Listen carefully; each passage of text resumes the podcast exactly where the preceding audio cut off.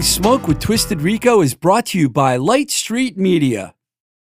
This podcast is supported by Joe's Albums. You know how much I love vinyl and go in the record stores. Well, my favorite stop these days is Joe's Albums. Joe has two fantastic locations the original store at 317 Main Street in Worcester, Massachusetts, and their newer stop out in the hipster college town of Northampton at 5 Market Street. Both stores have a great new releases section and a huge assortment of used records. You want to check out some cool record stores? Check out Joe's Albums in Worcester and Northampton, Massachusetts. And if you really want to geek out, go to joesalbums.com. We're also supported by Baby Loves Tacos, the fantastic Mexican style cuisine joint located at 4508 Liberty Avenue in the Bloomfield section of Pittsburgh, Pennsylvania. Check out the Baby Loves Tacos website at babylovestacospgh.com. Baby Loves Tacos, where everybody eats. Somebody count it in. I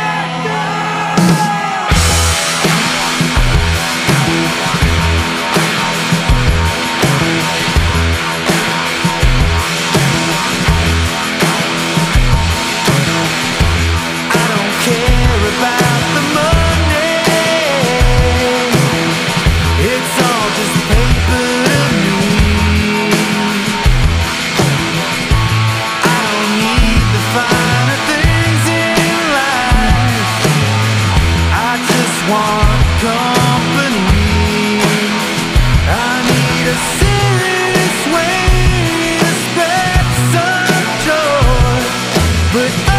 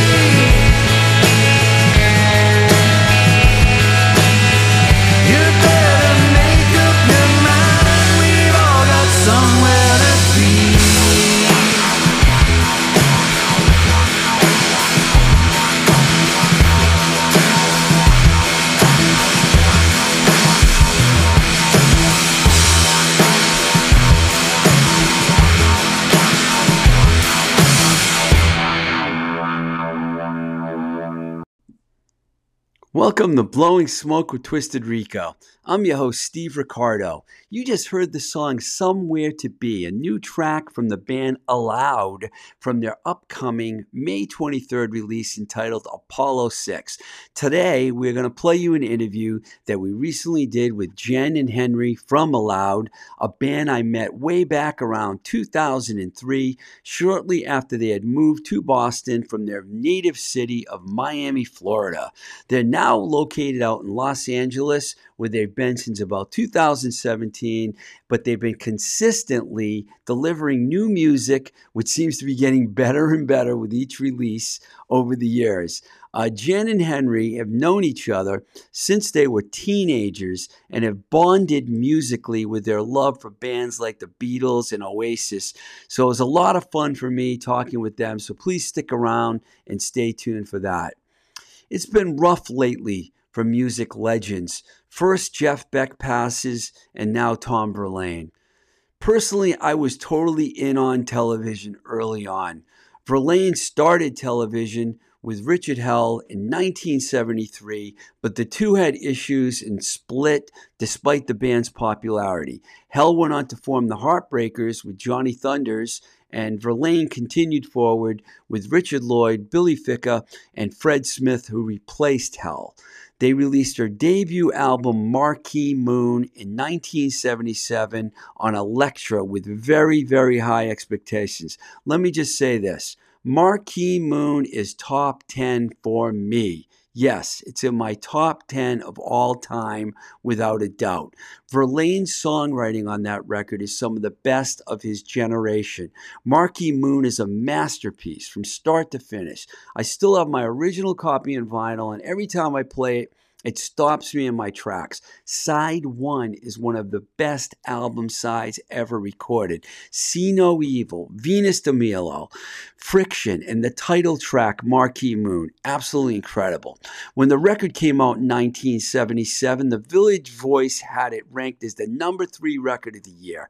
Yes, the critics did love them, but somehow they just didn't sell enough albums.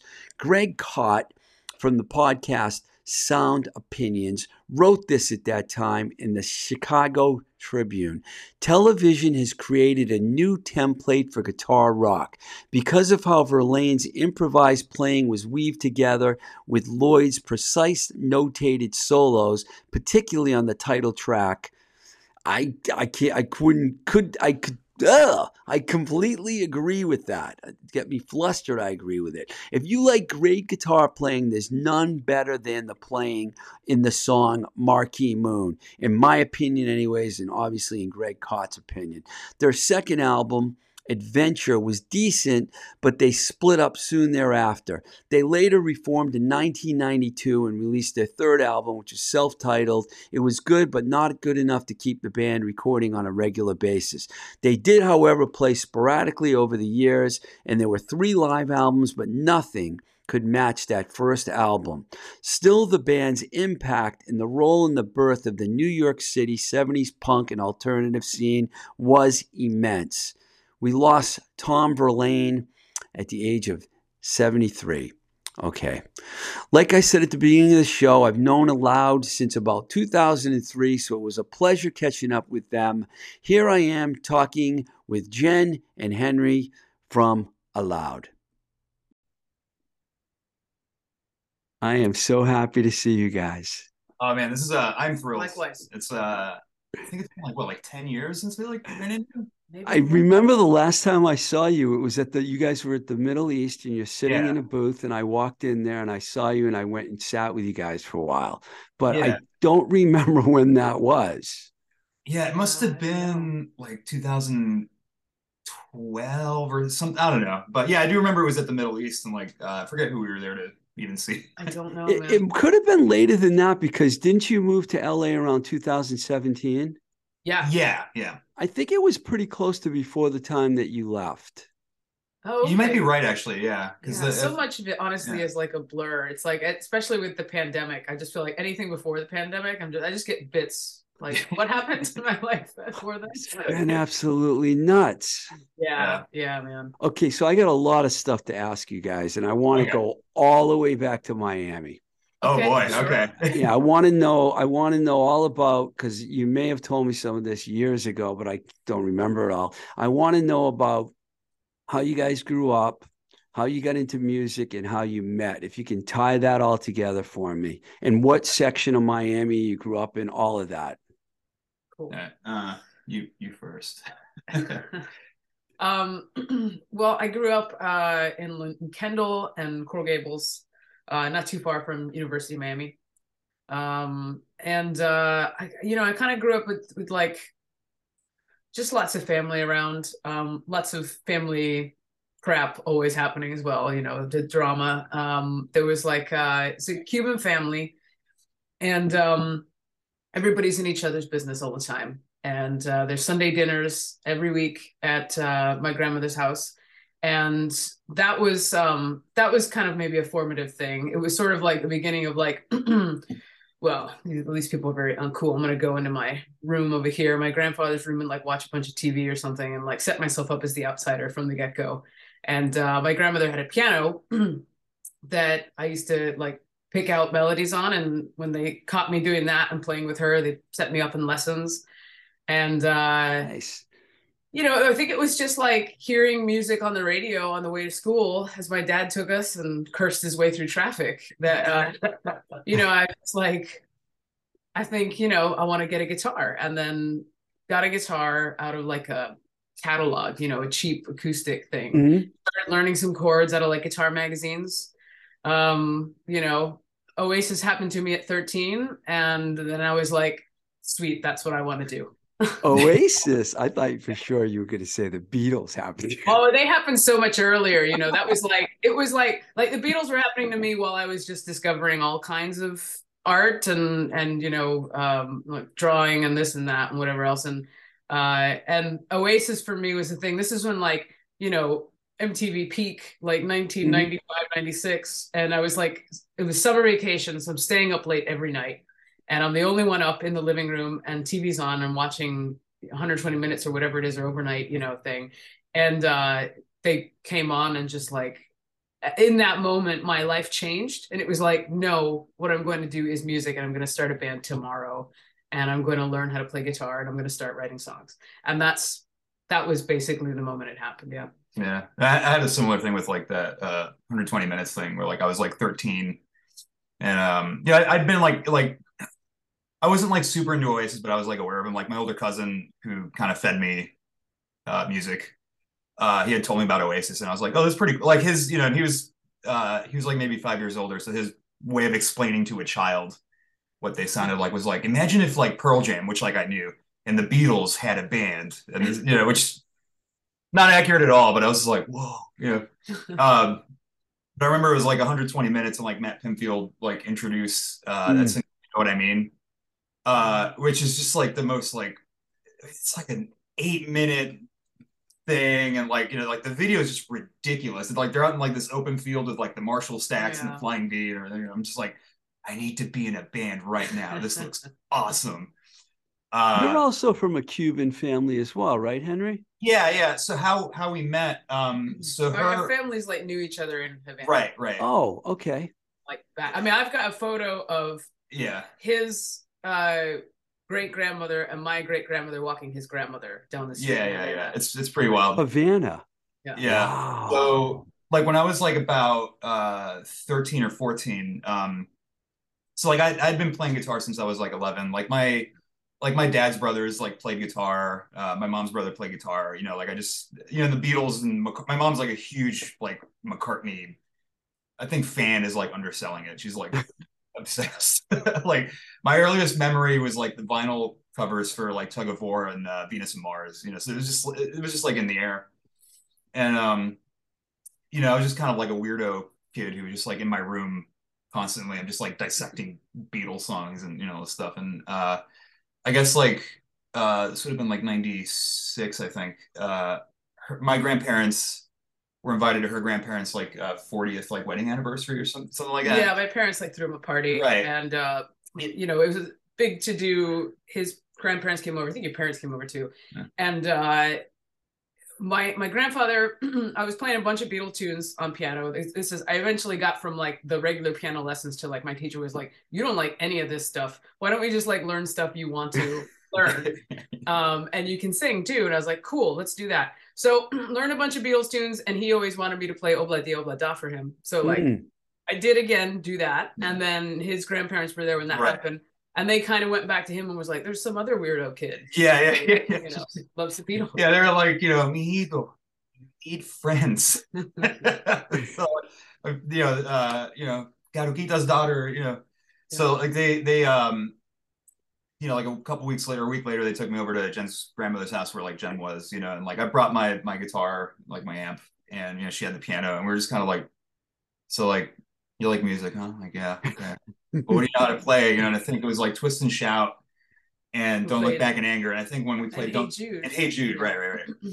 Yeah, I was like, oh, I know those. I'm like, I know those too. And um, of course, instead of saying we should start a band, there was like an entire year that passed. We were just Well, kind I'm already in a band. Yeah. Yeah, Yeah. I'm not not a really. too. Yeah. yeah, yeah, yeah, which is like total nonsense. Uh, Yeah. So you But- guys were like around 13 or 14 when you met for the first time? 13, I think. yeah, 14, I think something like that. so. Yeah, 13, 14, like I turned 14 that year. Yeah, yeah. It might have Um, been like right, like just like eighth grade going into high school sort of era. Yeah. So Yeah. 13, 14. something Yeah. like. So then we were like, uh, yeah, like from then on, we were like on like AOL, like instant messenger, uh, RIP. Uh, but, but you know, it was uh, it was it was really fun because like we weren't we weren't even like talking with the with the intent of like starting a band. It was more like, well, I write songs, like check this out, you know. yeah. And, like, I well, I, think write songs. send each, send each other things. Yeah, yeah, yeah. Like it, we couldn't send like like audio because it was dial up at the time. But it's Yeah. like we'd send like lyrics, Lyrics and stuff and like stuff, that, you yeah. know, and, and like we'd meet up and like, uh, or maybe that was later. I think that was a bit later. At some point, we decided like we should really like play music together. Did, did you have other bands before you decided to form? Not really. I- you know, I had like a, a short-lived like four-day band with like my sister, my brother, Yeah, and yeah. like her friends. You know? For and uh, yeah, it, wa- it was literally something like that. And like I think we played once in the garage, and uh, my sister couldn't quite sing, and I thought, well, I can sing. And I was you like, certainly can sing. Yeah. Actually, I always I always forget to like mention this, but this is like such a they just wanted to Uh, borrow my "What's the Story" Morning Glory CD as I later found. yeah, yeah. Uh, but yeah, actually, uh, I it's it's weird that I always like forget to like mention this because it was like like I did this for like a couple of years, but like my uh, there was like a church down the street. Like I back when I was a religious uh, lad, and my grandmother like made sure to like take me to to church. Um, but I was like, I you know I need to play with like people and like the church. It was like the youth mass, right? And like they needed Right. a guitar player, and you know, I kind of like oversold my skills, but like I, I think I think Lourdes like kind of knew, you know, she was like the the director. Um uh and that that on its own was like really great for me because it's like, oh, I get to like play with other people and like, you know, it's just like every week, Yeah, you know, yeah, just like playing stuff. So that was kind of like in Yeah. the, you know, Yeah, so I guess you have that, and then I have my piano lessons, Right, and then right. at some point, like we ended up just like it was like just come over, and like we spend like Saturday afternoons in my uh, parents' garage, um, just showing each other things we'd written, and he, I think he had a four track we started using to record on that, and eventually we were like we should write together, right. you know, How old were you when that started happening? fifteen, 15, 16. Wow, you guys started. You guys have been together Yeah. that long? Long time, Yeah, Long it's, time. uh, a couple decades at this point. You're like you're 30 now, right? Thank you. no, he turned 40 this year. Whoa, hey, We're that's young. That's young. I have to ask you a question that's kind of not music related because I'm curious. Growing up in a Cuban family, religion, you mentioned religion. Religion's a really big thing with Cubans, isn't it? Like, it's like you, uh, It's like it's, Catholicism. it's very like Yeah. similar i mean any like dominantly predominantly catholic culture i think has a very similar uh, upbringing you know I, I like i understand like irish catholics a lot because it's the same sort of similar thing i mean culturally there are differences you know but, like, Italian Catholics too, because that's how I was Italian Catholics raised. well. Yeah. Yes, absolutely. And it's probably more in common with that culturally. But um there's just uh it's it's over it's always here hovering, you know. And like we I, I went to like Catholic school starting like middle school and high school. Um just because like I went to public school before then, but the public schools in Miami, as you kind of went through, were not always as good and like or there were like perceptions that they weren't as good and uh and then there was sort of like there were you know a little bit of gang element you might have to deal with you know and uh i was just like going into it being like well i could take my chances with the gangs or i could take my chances with the nuns and i think i, I might have made a mistake i don't know It's really funny. I, I think of that old. It's an older film. You guys not might not remember it. Looking for Mr. Goodbar with Richard Barr, Richard Oh. Gere. I'm sorry. Comes back from Miami and he goes, Miami, tough hustle. you know, I- so I mean, you know, I I know Miami has a reputation for being a tough place. I've been down there. I went down the Criteria Studios with a band, and I Oh, was yeah. there for a week, and it wasn't a good neighborhood. It was scary, actually. yeah, Yeah. yeah. And and I don't want to like over like play that. Like it's not like we didn't we didn't necessarily grow up in the most dangerous areas or anything like that. But like, you know, I couldn't like my grandmother took us to school, so we always had to lie and use her address because she was the one who like was around to take care of us before and after school and that sort of thing. Because my parents worked like long hours. Um, like I, I might not see them till like eight o'clock or something, you know, in the evening. Uh, so we we were really like uh raised by by my grandparents the majority of the day or whatever. So like the schools in her neighborhood weren't quite as like you know desirable whatever you know the- Maledetto. yeah it, you know it's it's all right i mean look it's like i got permanently scarred for a long time by going to catholic school so it's like you Oh, there's nothing worse. Believe me, I was raised as a Catholic. You don't have to tell me. Yeah. It's a really difficult way to grow up. Um, it- I was yeah man I was going to ask you guys about your musical influences because I totally remember we bonded on the Beatles the minute I Oh, met yeah. you guys. I knew you were Beatle fans, but I didn't realize that you were th- that huge on Oasis. Were there other bands that you were listening to in your in your teenage years?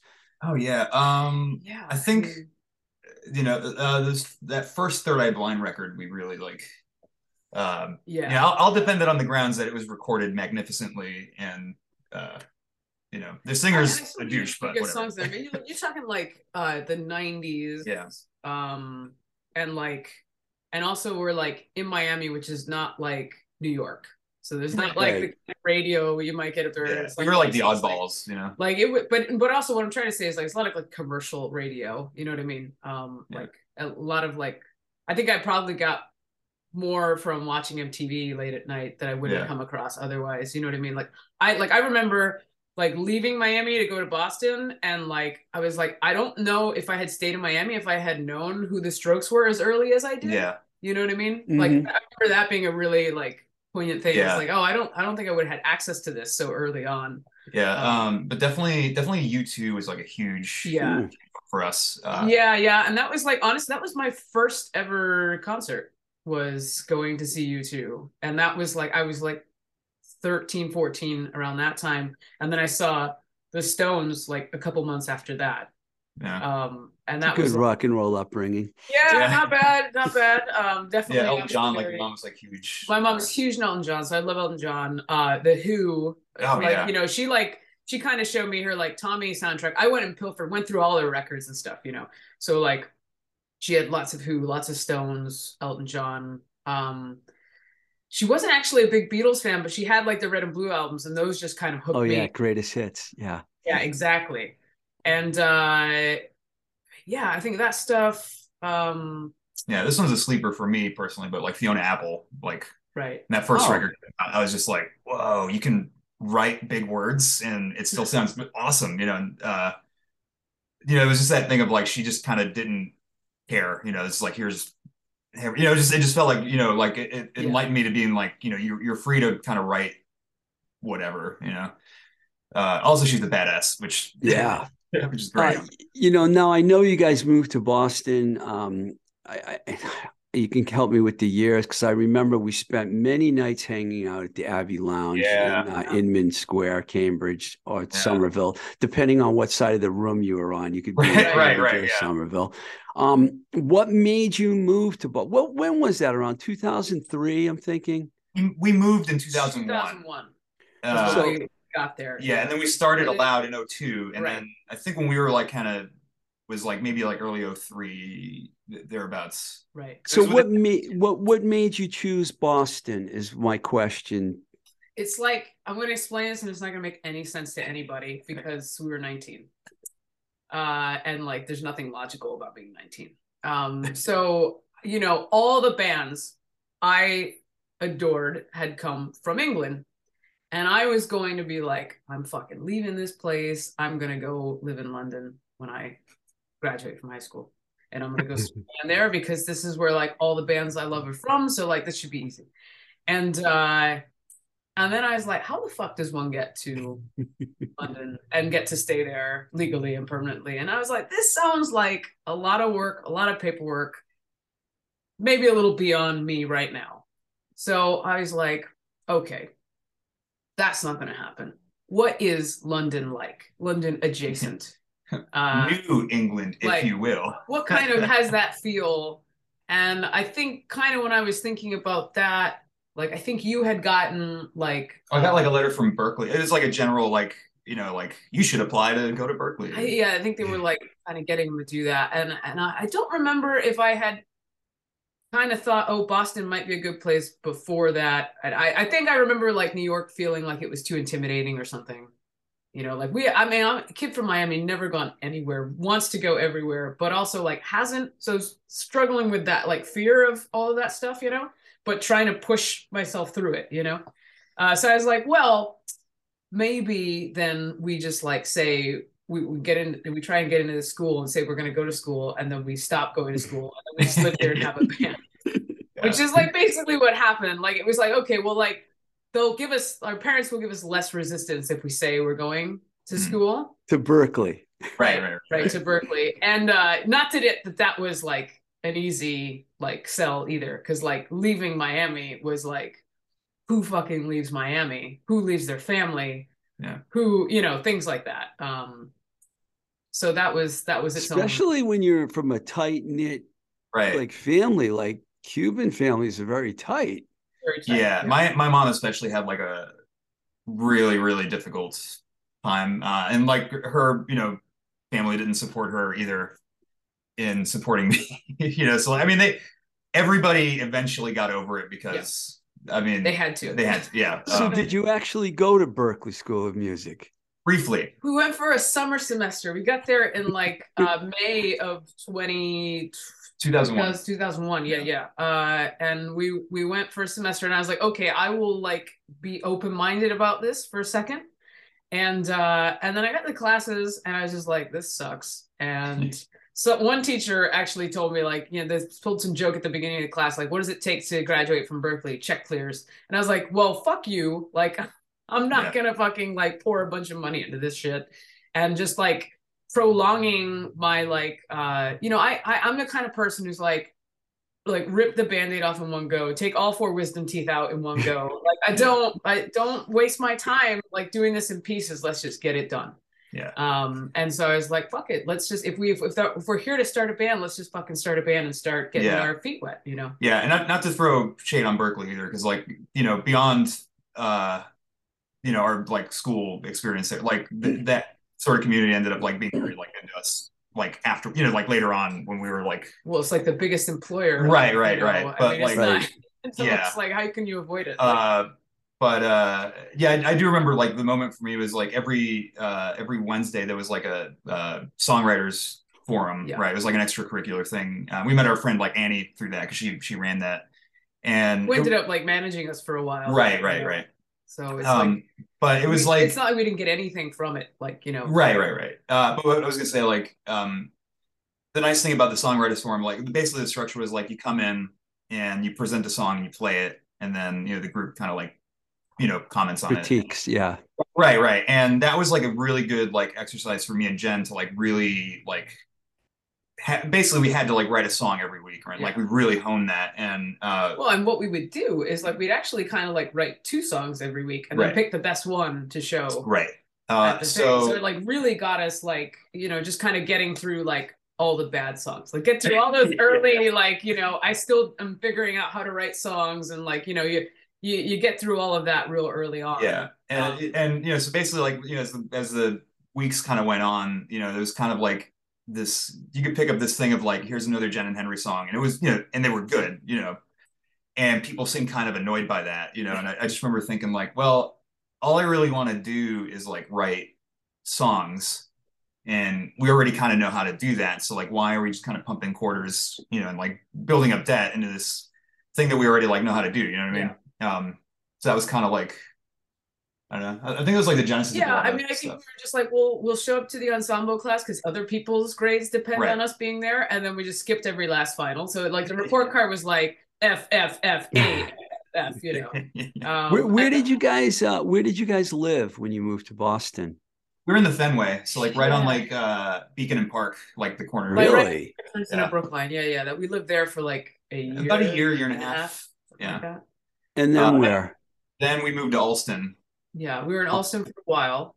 Um, With all with all the other bands. with Yeah, all the yeah. other bands. Yeah, yeah. That was like that was like a magical time to be in Yeah. Allston too. Like we were there for like six Seven- six years six in years? Allston, but we were like right by Great Scott, you know. So like it was yeah, like walking distance to everything. You Yeah. know, like it was. Yeah, it was the right moment to be there. Um, Yeah. and then uh, and then we moved to like Then we moved to Quincy, Quincy. Where we were gonna like we moved in with like our drummer Ross, and this is before we were like. Like this is like before we did like some big tours and stuff. Like, we were like, even touring, like but- tours and Yeah. Yeah, but like the longer ones, and like I remember, like we were like, okay, we're gonna save a bunch of money, like moving into this two bedroom, and like it was just so much cheaper. I think we paid like three fifty a month in rent. Yeah. You know, um, I was uh, I was surprised. Just move. There's a, there's so much to talk about with Yeah, you yeah. guys. Uh, I, I was really surprised when I was looking at your discography that uh, "Leave Your Light On" didn't come out till 2006. Because I was like, Right. didn't they have music out before then? I knew you guys had a a, a, a demo that was around, but Yeah. but you yeah, guys like we had we had like two demos. Uh, like those were the ones that we were. I remember we were handing those out at like the Abbey and stuff. But Yeah. we recorded. Uh, we did an EP in 04, and that was kind of like the first real. You know, that was like when we got Ross uh, drumming in the band, and he was like the You know, first yeah. like steady lineup. right, right, right. Um, but was yeah, was that like was, was that a CD or why do I Yeah. remember that? That's weird. Yeah, I didn't I have that on my list. I think it was like a it's like a black and white photo of us Yeah. on the cover. actually I actually remember. Uh, you know, uh, you know, it's it's fine you don't remember because it was so long ago, but I do remember like running into you uh downtown like in 2004 just after we had like released that Oh wow. Like it was just like a random like we were like on the Silver Line or something like that, and we were like, oh, oh shit, it's Steve, hey, and like we, you know, we were like, we just recorded this. Here you go, man. You know, like we, we sound good now. Okay, now you make me sound like an idiot. No, no, no, no, no, no, no. no. I'm sorry I didn't remember that. I I- the first No. record I remember, but I didn't remember the EP. I don't know why. Bec- well, you have a lot of. ra- I'm looking at the There's Yeah, list. lot there's so much. Yeah, Yeah, yeah. I mean, you know, I barely remember like three weeks ago, so no, I mean, you know, it's we- nothing. You know, just finished making number six, and then there's a bunch of like EPs and singles in between everything. Yeah, yeah. So like, I, I just I remember you went to Dayville, I think it was near Putnam, Connecticut, or something to record that record. I do remember that, Yeah. and it was with uh, Hugh Wyman, yeah, and that yeah. was like your first full length album. right. Yeah, that was uh that was an experience. Uh it was I mean it's I I, I look back on it fondly, but it was just like a funny way to like dive Well, in it's just like you know, it's like anything else with life. There's a plan, and then until there isn't. and then everything goes to shit. You know, it's like we were supposed to do it all live. Then we, you know, they, they basically Hugh cleared a lot of stuff with everybody at that studio, which was really just some guy's basement. Yeah. And uh, you know, and then it was not to be. We were supposed to be able to record live. That didn't happen because we couldn't we couldn't make that sound good in there. Uh, we were supposed to stay over the night at his place. He did not tell his fiance anything about that, whom he shared the house with. So that didn't happen. yeah, she was very upset. Uh, it was yeah, it was just one thing after the other. They, Yeah. they were supposed to have all these compressors that we like that they mentioned that that wasn't there, etc. Blah blah. yeah. So we would like go there on weekends. We like work through the whole week and then go there on the weekend, stay at some motel down the street, yeah. and then come in and record. And then I would have to go into work early Sunday morning, so I would drive back Saturday, go to work Sunday, and then after work, go to drive to Connecticut, keep recording, then come back and then start the whole week over again. yeah. That was How uh did, how did you find this guy, Hugh? so uh Hugh he was he used to play in uh I don't know if you remember Baby Strange. Uh oh yeah, was he in? Oh, that's that. was the, he was the original um He's the original guitar player in that band. Yeah, Okay, so- now I know who he is. Yes. Yeah, we we played we played some random show with them in Fitchburg at this place, uh, the Compound, which I think was like a converted like car dealership. I remember the place. Uh, and it was like one of the, you know, like with with with people like, you know, like some some some people like within like ten seconds, you know, like this is like a friend for life, and Yeah. that was like with with Hugh and and Chris in that band, and uh, you know, we played the show together, and it was this kind of thing where like we were like, oh, these people are awesome. We just started hanging out more. Yeah, yeah. Obviously, we all lived in Allston. So Right, we all- all like a stone's each other. Yeah, he lived like super, super close by. We'd like Yeah. go to go to the common ground like every weekend and just get like yeah, blasted. see each other at like you know the pill or the plant Right. like every week. You know what I mean? and uh, Um, so then, yeah, and so then he started like he's like they kind of like you know he, he took us under his wing a little bit. It'd be like he'd show up and be like, "I've got you tuners. yeah, you You should, should, have pedals, tuners on stage." you idiots. Uh, but yeah, so like I think uh, you know there was like a split with Baby Strange where like him and Chris and Jay uh, like they were no longer in the group, and he kind of needed you know he he had like time to fill and like he was just like you know what? Like I'm getting into recording like you know I'm going to produce you and I'm going to like pay for the record you know he basically took care of everything and like he did like Yeah. pre-production like he drilled us like yeah, yeah, for for like a month you know? And I think it was like just sort of echoes of like because Tom Polce did their record. Mhm. so he was kind of using kind of using that process with us, like Yeah. putting us through that, like coming to rehearsal and doing all that stuff, and then and then also was like write some new songs for this as well. It's like Right. we've got all these tunes, write like four new tracks and, and get that on there. yeah so- And yeah, like I mean, he was he's just been a buddy. I mean, we're still super good friends with that guy. That's awesome. yeah, Yeah. where his uh his kids like god dog you know it's like it's Yeah. you know I don't know uh, it- he's he's great like Yeah. I, I love that guy And you guys went to New York to record Fan the Fury in 2008. Right, right. Well, what made you go to New York to do it? uh, Well, he sort of came to us, this Oh, guy. Like uh we have Chuck played Brody? yeah Chuck yeah Brody? I think he goes I think he goes by his by his name like Caleb uh, Shreve now but uh yeah I think at the time it was Chuck Brody he was he did um did he he was like a Sony mix engineer guy um Well, you saw us at a gig. We were we were like we Yeah. already had all these new songs, and we were looking to we we checked out a couple studios. I think at- so. Annie, who we mentioned at the Songwriters Forum, was living in New York. She was managing us at the time, and she like had a couple New York options. I think that we, I forget. he saw us at like Luna Lounge No, no, I'm saying we might have like gone to a couple places in Boston to check out too. Yeah, yeah. I know we Um, went to Serious Business for like a minute to check him out, but But that that's in New York. yeah. um, So but- uh Caleb Caleb was at a show we played at the Luna Lounge um in Brooklyn, which was like funny reading about it now because like if you read Meet Me in the Bathroom, that venue pops up like all over at the same time. Uh and uh so he saw us at a gig there and he I think he like Annie and him got talking. He was like, I want to record this band. Why don't you come to my studio and check it out and whatever else. So when we were checking out studios in New York that weekend, whenever we went in, we went to his place and I don't know, it just seemed to seem like, okay, this is a cool place. I think we can do it with him. We seem to be on the same page.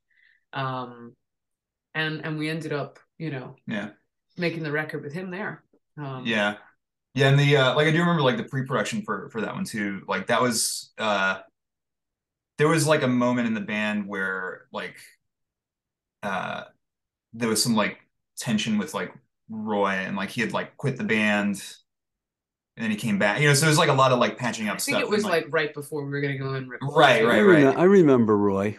yeah, Yeah. yeah. You Uh, guys had a few lineup changes. You know, that's not that happens. You know. yeah. You do this this long and it's like impossible. not to. Right. But Um, um, I remember after we patched things up, like we basically we we spent like a month like in our drummer Ross's like basement, just like recording demos and stuff. And I I do remember that being a very lovely like together, you know, thing. We are just like hammering out these songs and stuff. And then that's kind of, you know, Yeah. Yeah. Yeah. It all really started to come together with you with the next record, Exile, because I know you guys ended up going on tour for like real tours and stuff. And I know you played CMJ, South by Southwest. And um, I was reading the song Counterfeit Star is like a theme song. I didn't even know that. I found that Oh, yeah. I think on a Wikipedia or something. Thank God for Wikipedia yeah, right. and uh, but I know that you re. I mean, I have a I have that record on vinyl, so um, it's a great record, and it seemed like the the whole. Is that when you feel like everything just came together for you as a band? Yeah, I think that record, like, certainly for me and Jen, and like figuring out what this like band means like to us, because like I think after like during while we were like promoting Fan the Fury and going on tour, you know, like Roy ended up like you know not being in the band anymore, and then like Ross, uh, Like a few months after a that. few months after that, stepped away. So it was So- so that like- was yeah. kind of like a really like our first sort of like that's the first time I ever really experienced any adult anxiety. You know, it was Yeah. like, okay, half my fucking band is gone. Right. I like what am I fucking doing with my life? What is going on? Is this all just fucking exploded Yeah. in my lap, you know. Um, and uh, we just did what we always do, and we just like we just used it to make more music, and we made a really different record. It was a very like we were like we wanted to make a record that you throw on like really late in the evening to like kind of chill out and get moody, you know. And um, and it was just like it was like nothing else we've made. And I don't think we could have made that with the band. That was as a result of like it's just me and Henry Yeah. um, working out songs together, and then working with uh, Dan Daskovich, who's a producer on that, was like Yes. really influential on Yeah. those tracks. I would say like that was like the three of us, like really like yeah, like we'd you know. show him the thing, and then you know he'd kind of like make some suggestions. We might play around with it with him, and you know, and as we went on, it got more collaborative and that sort of thing. But like, he, was just like those songs wouldn't have sounded the way they did in the end without you know his input. You know, and that was the first time that a producer had had that sort of influence, you know, on it, um, which was cool for us. And it was just nice for it to be the three of us tight knit as you know, being the recording unit and uh, and then having people come in and like we had our friends like at that point we had met Charles who'd done some tours with us so he came and played bass on Counterfeit Star and like you know we'd have like our friends come in play horns on this so that you know come in and do this and that and like a lot of like guest stuff with that um so it was it was a it was definitely a new way for us to record we were recording only on weekends like when we had free time and like so it took it took, took- a lot to come together Yeah, I remember it took from when we started, it took like a year, and then we finished Wow. finished mixing it July of 2010, and then Jeff mastered it, and then it was out like September, October. It was just like it was so like jeff Lipton? Jeff, yeah, yeah, yeah, yeah. Yeah. Yeah, so he, he mastered uh, Fan the Fury for us, and that's how we met him. Yeah. then- Uh, he's Yeah. like regarded as one of the best mastering guys around. Oh, he's think a he Yeah. did, lovely didn't he didn't he get nominated for a Grammy or something? I think Oh, he I'm did, yeah. sure multiple ones yeah I Yeah, mean, he's well- just been doing our new record that hasn't come out yet he's he's a great Yeah. guy With all due respect to Dan and everything, I think you really when you hit- when you hit when you get to the Benny Grotto part of your career, all of a sudden things go to another level because I think Benny Grotto is fantastic and you guys have worked with him a lot. So you know that. So how did Benny? I guess it was around 2014. It's got to be me. Um, how did you guys hook up with Benny? Because he's regarded now as one of the Yeah. best engineers, and I think personally, I think he's probably He's is got the an best. amazing engineer. ear. He's got an amazing ear. He's a very good friend. I mean, it was just like I, it was good taking it back to the Berklee thing. Right. Something else we got out of them. so at some point we got approached by um some department in Berklee that were doing like a, a documentary on the songwriting process. Basically, they would they, it was us and some other bands and artists, and they would Mhm. follow us from writing a song until all the way up until recording it. So when we got to the recording part, we'd already known who Benny was. Benny had already worked with like Baby Strange, friends of ours, and like he'd recorded a bunch of folks by then. And I loved the sound that was coming out of that studio. And uh, we just couldn't, we, we, we just, you know, it, it was always difficult for us to pay for studio time. So it was, Was like, it Matt? What is it? Was it already Mad Oak at that time? Yeah. Mad Oak still, yeah, Yeah. yeah, totally. yeah, it was the original like The original location. location by Rugg Road and all that. Yeah. and uh like Berklee was like, well, let's just tell us where you want to record it, and we'll just they'll they'll foot the bill. So it's like, sweet, this is when we're gonna go try out Mad Oak Yeah. and go, to, you know, get Benny to do it.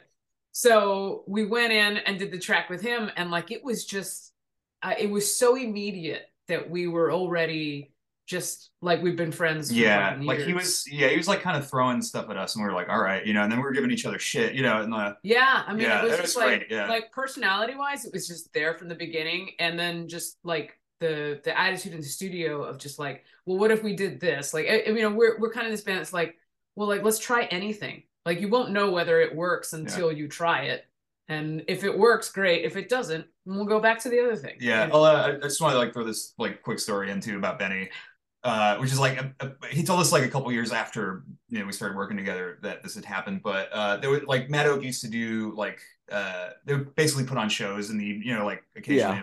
live Mad Oak, and uh, there was this band that we were friends with that was, that was doing that, and uh, you know I, I won't put words in Benny's mouth because like it was just like a rough night for him because of the personalities involved. So he was already like not in a great mood. And you know, after the show's over, we're all like kind of hanging out, you know, like in the Mad Oak kitchen. And I remember at the time, this would have been like late 2009. We were like on the cover of like Performer uh, magazine, and uh, one of the interns, you know, was like idly just like drawing like a mustache like on my face. you know, and I was like right behind him, you know, and I thought like, well, this is funny. Let me let me fuck with this guy a little bit, you know.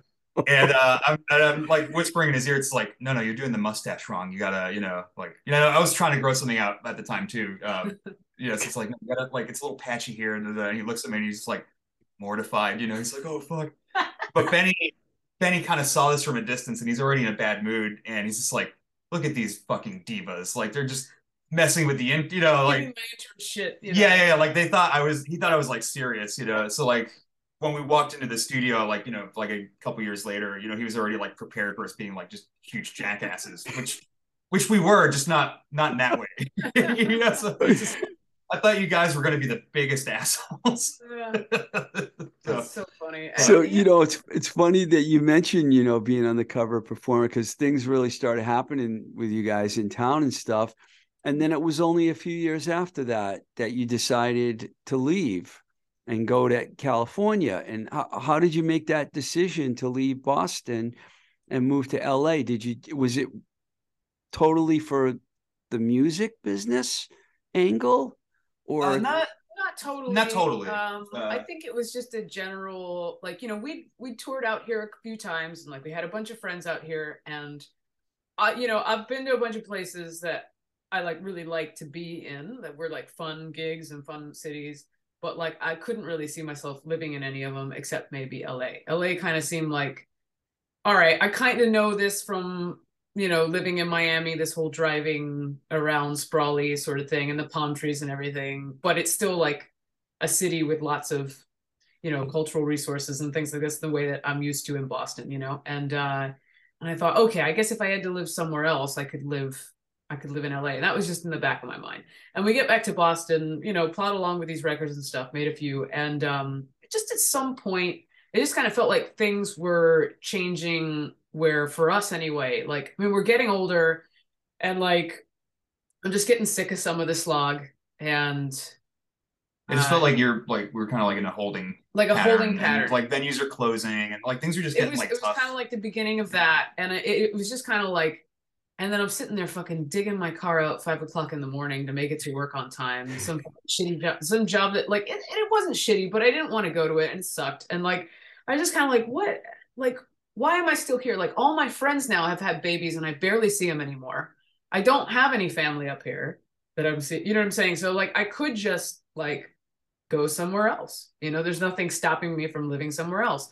And uh it just between the grind of that and like honestly at that point like the the the like constant like overcast shit and all of that is just messing with my mind like i just got a bunch of like this is what i you know again talking about experiencing more of that adult like depression anxiety shit that, Mhm. that that just started to flower you know in full bloom at that yeah. point and i was just like i need every edge i can get to fight that off you know Yeah. and uh it seemed like a, a clean break and like going to a place where i you know wasn't going to be like totally alien. Like i've been there before. I knew people there.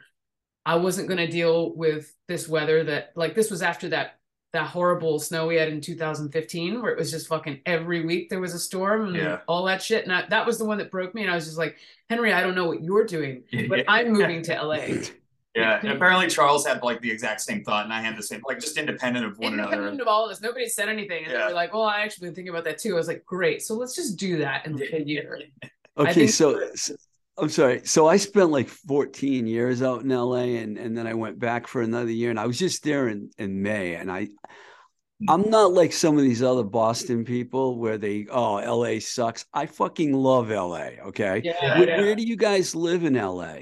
We're on uh, Beachwood. Uh, Uh, so it's Beachwood Canyon is the name of the neighborhood. It's in Hollywood. Beachwood Beachwood yeah, below the Hollywood sign? yeah. Exactly. Wow. We it was like There. needle in the haystack. We were looking for apartments. How did you That one- get pure luck. It was it's Totally it's uh yeah. it's rent stabilized and it was affordable. And we were like, this is this is nonsense. That like we like we pulled onto the street and we're like, there's no fucking I was way. like, you We're sure gonna- you yeah. have the right neighborhood? And this looks a little too nice. But you know, man, like uh, I'll say this: like when we lived in Boston, like the 16 years, we basically moved like seven or eight times. Yeah.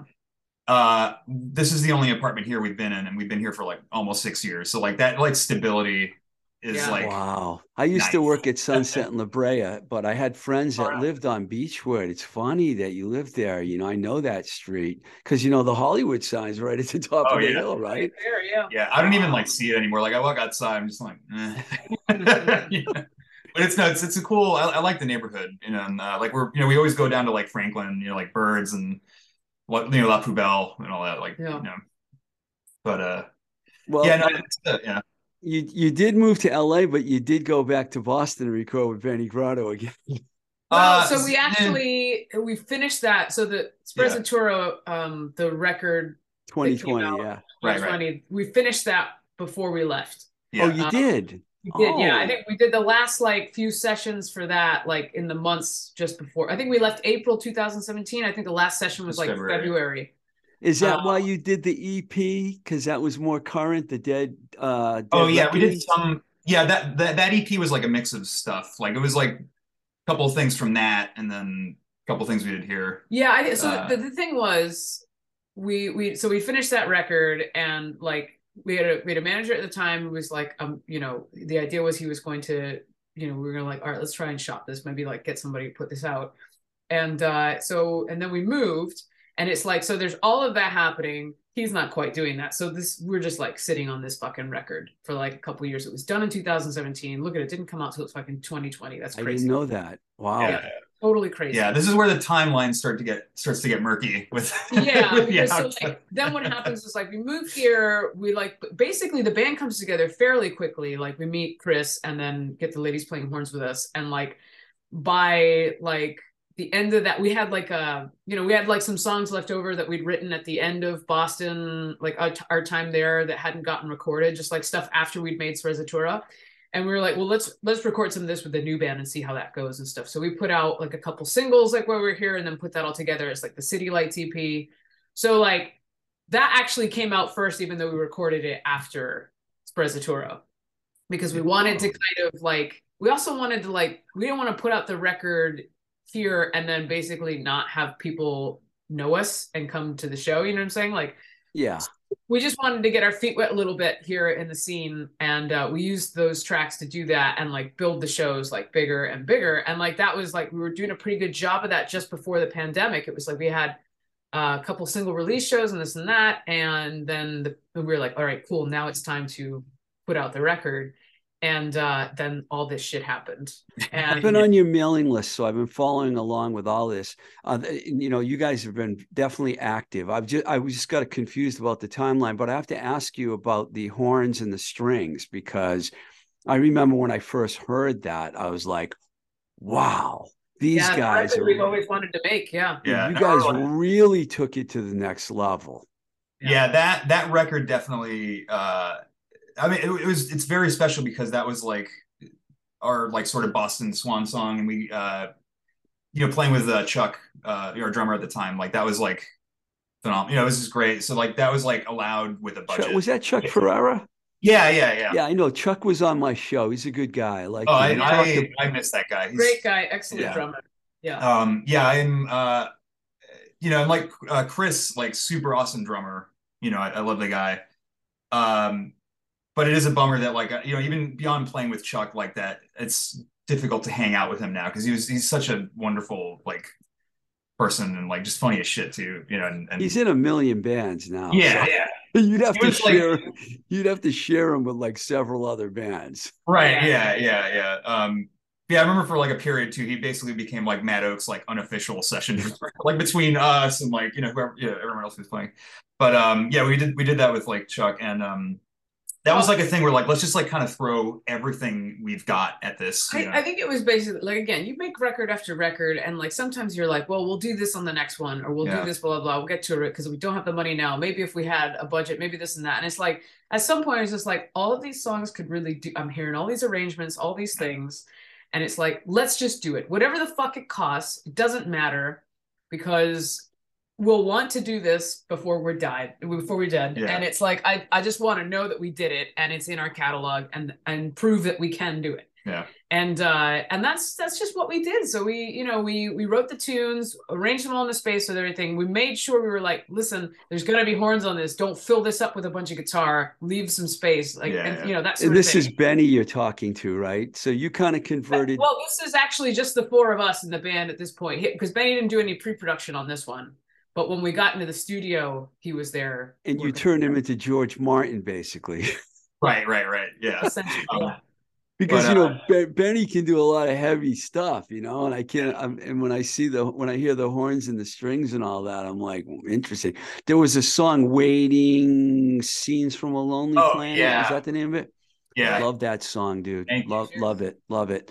Um, ironically, as it sounds from going through your whole career, and I know there's a lot of good things here, that I listened to a lot. I listened to that Dead Reckoning a Mm-hmm. lot, and those songs I wrote a few down. Alone in the Dark, Tokyo, Valentine. I love those songs, Oh, man. cheers. It's like really good. And then you, I guess the Comeback Kids probably the most recent thing you guys have Yeah. done.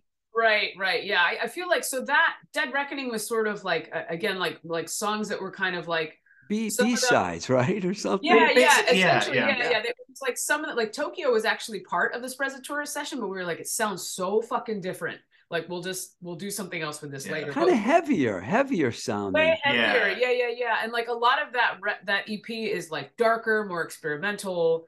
Um, and like we kind of, you know, we we do that in between albums to kind of be like, where do we want to go, you know, with the next one? And I think that's what we were doing going into the next one. It's like more effects, more like stranger sounds, a darker sort of thing. Um, Yeah, it's like the first one we did like as a full record with uh, Jago uh, drumming, which yeah. uh, he's he is so good. You guys have kind of followed the path of the Beatles more than you realize you have. Yeah, yeah. yeah, yeah, yeah. To the Yeah. point where so Jago, uh, he is actually from Liverpool, so it's from like we're we're slowly becoming. Uh, which is funny. So he he actually so he grew up. Uh, his childhood home was like across the street from Ringo's childhood home. Wow, So, like, that is so cool. Yeah, right and well uh, he says that like you know he, when we got through like making the record and listening to the masters and stuff he's like wow i just realized this whole record is my love letter to ringo because he's like Yeah. you know I've, I've put in all these like ringoisms into this track that he's that he hadn't really done before like on a- Ringoisms. yeah.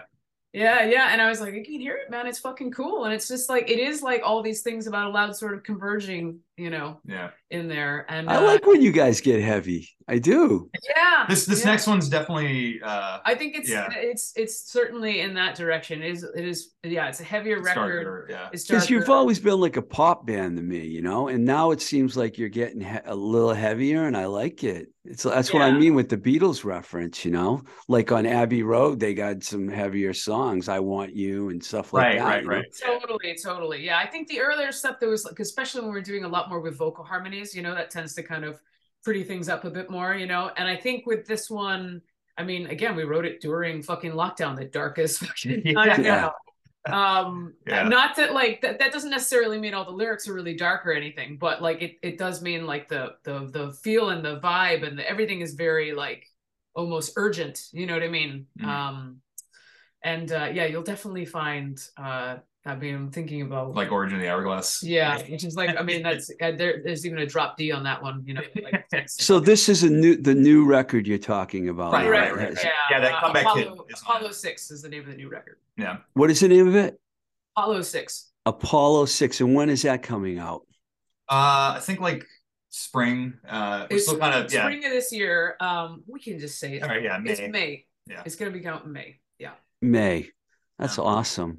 Wow. So we've got like another single coming out on the 27th of January, the, the second single, and then we'll you know we'll do a couple more leading up to the release. So you guys like LA? Yeah, It's, yeah, you know- man. I mean, you know, I, Yeah. I do miss like the the the one the only thing I miss about or no or don't love about LA is like I don't get the walking um element as much as like you know I like like that's why I left Miami because I wanted to like live in a city where like I could walk out the door and get to where I needed to go or you know Yeah. quickly hop on a train or something. But like apart from that, you know, and like you get used to like not having that, you know what I mean? Um, but apart from that, it's great. Yeah. yeah I lived mostly in um, I lived at the beach a lot when I lived in LA. I was in Oh, Marina right Del. Rey, Redondo, and then I lived in Studio City for a long time and Encino. So I it was the valley and the beach. I never lived in the area you guys live in, but I worked at when I worked at A and M. You know, it was Right, right, right, right. there, Sunset and La Brea. I mean, you know, you could walk around that neighborhood. And it was just Yeah, there are, there definitely are neighborhoods where you can just kind of plop your car and walk around to wherever Yeah, like, you uh, need to get to. yeah. Absolutely, yeah. And like Do- even here, it's not like it's a. I mean, you know, it's like a twelve minute walk to Franklin, but you know, we're up a hill, so coming back up the hill, Yeah. you guys go to the beach a lot. not too We long. really I mean, should. We we go like we go like a couple times, like in the summer, you know, that sort of thing. I Um, stayed down there, Manhattan Beach in Hermosa, when I was there in May. You know, that's where the, That's the great, punk yeah. rock started down there in, in Yeah, Hermosa. yeah. You know, What's circle the venue jerks. down there? The Rock or something, right? Or the Saint Rock is the venue down there. There was a church. I don't know the names of the venues now, but the church was the place in Hermosa where Black Flag and all those bands first started. Right, which, right, if you go to Hermosa Beach, you'd be like, "This is where punk rock started." It's not. Yeah, it yeah. doesn't make You're any right, sense. right. What do you have to be angry about? So Yeah. uh, before I let you guys go, I want to ask you about, you know, you are you guys listening to a lot of new music these days, and how do you listen? Do you have Yeah. record player? Do you listen to the streaming? I ask everyone this question because I'm yeah. curious. Yeah, I uh I mean we do we do vinyl for the most part. Uh like yeah, at home we basically. Yeah, um, yeah. you know, I'll, I'll do like I'm I'm a huge fan of like Bandcamp and like actually like owning, you know, music. Uh like Too.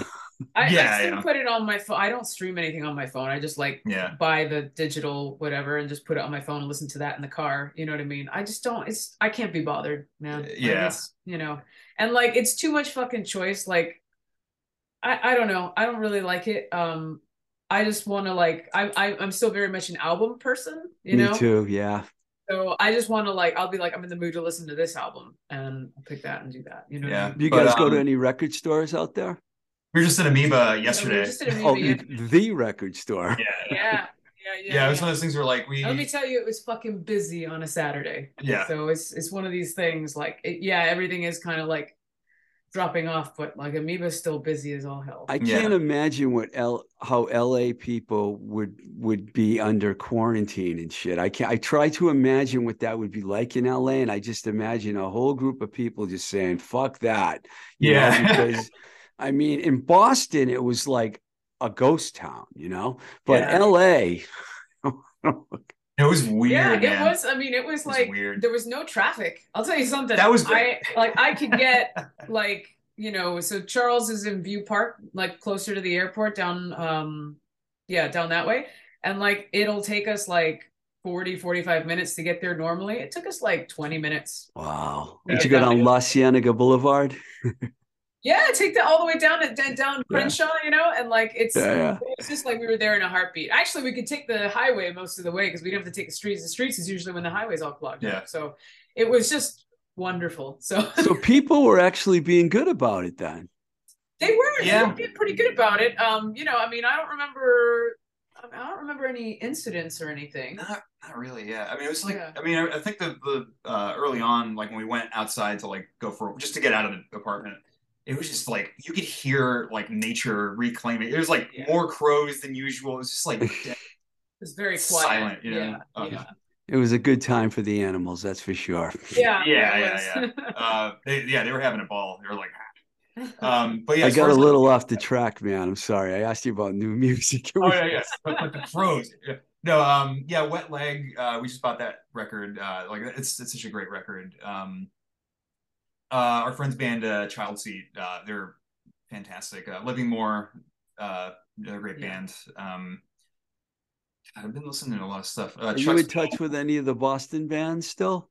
Yeah, yeah. We still, um, yeah, we still like talk to Chuck a lot. Um, you know, like his band, the Double Love. Uh, like they just put out a record. You know, so I talk to them a lot. Um, And then Hugh, of course. Then so, Hugh, like, yeah, we he talk to him plays all the in, time. uh, he plays in Old Jack now, you know.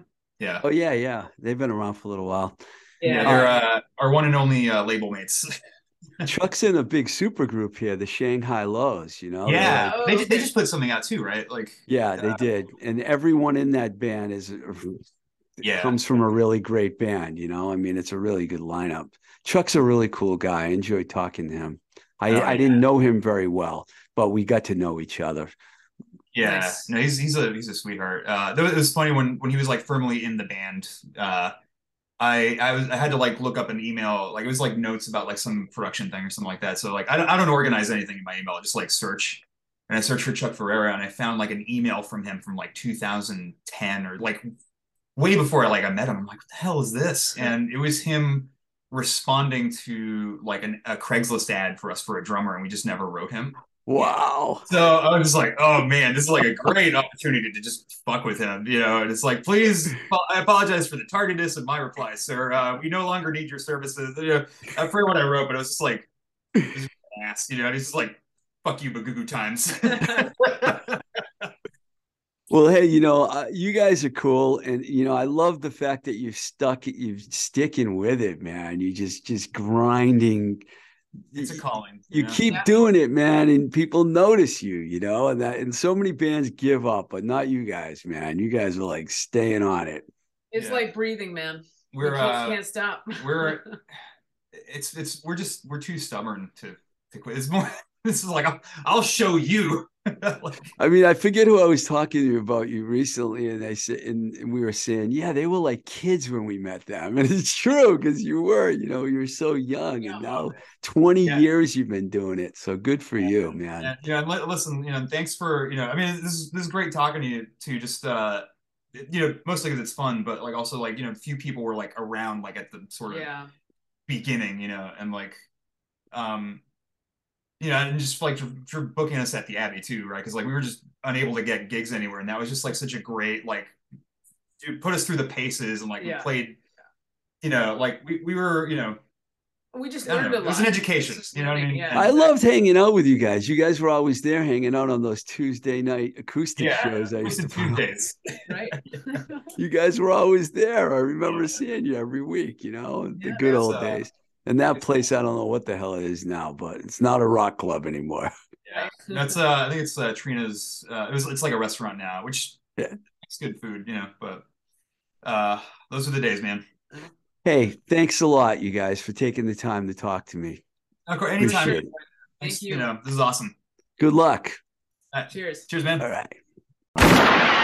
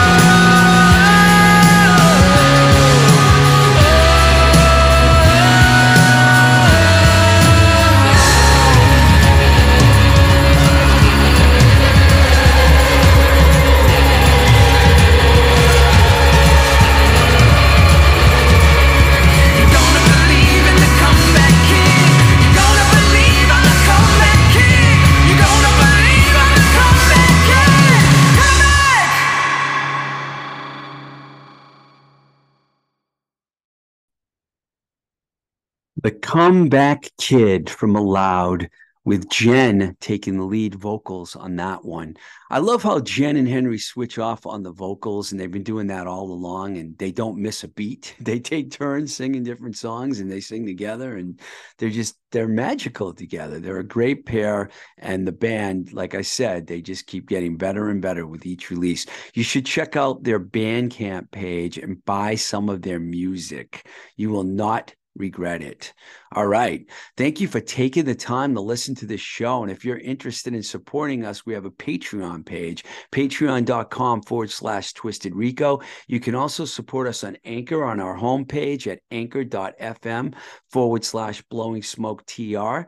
If you're not, if you have not subscribed to our pages on Apple, Spotify, YouTube, etc., please do so so you can stay updated on what's happening with the podcast.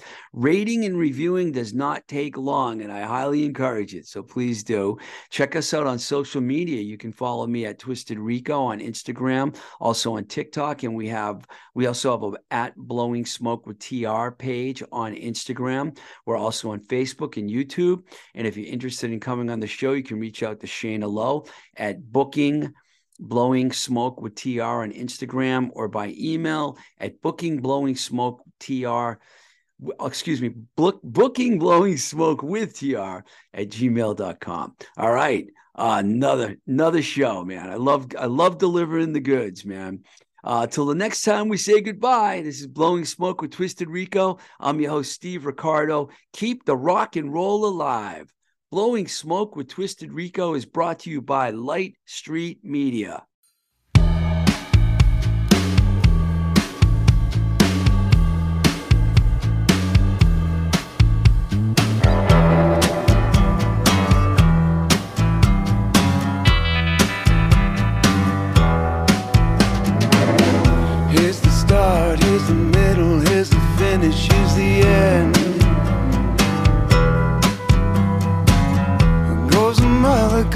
Father, goes the wife, stays the friend.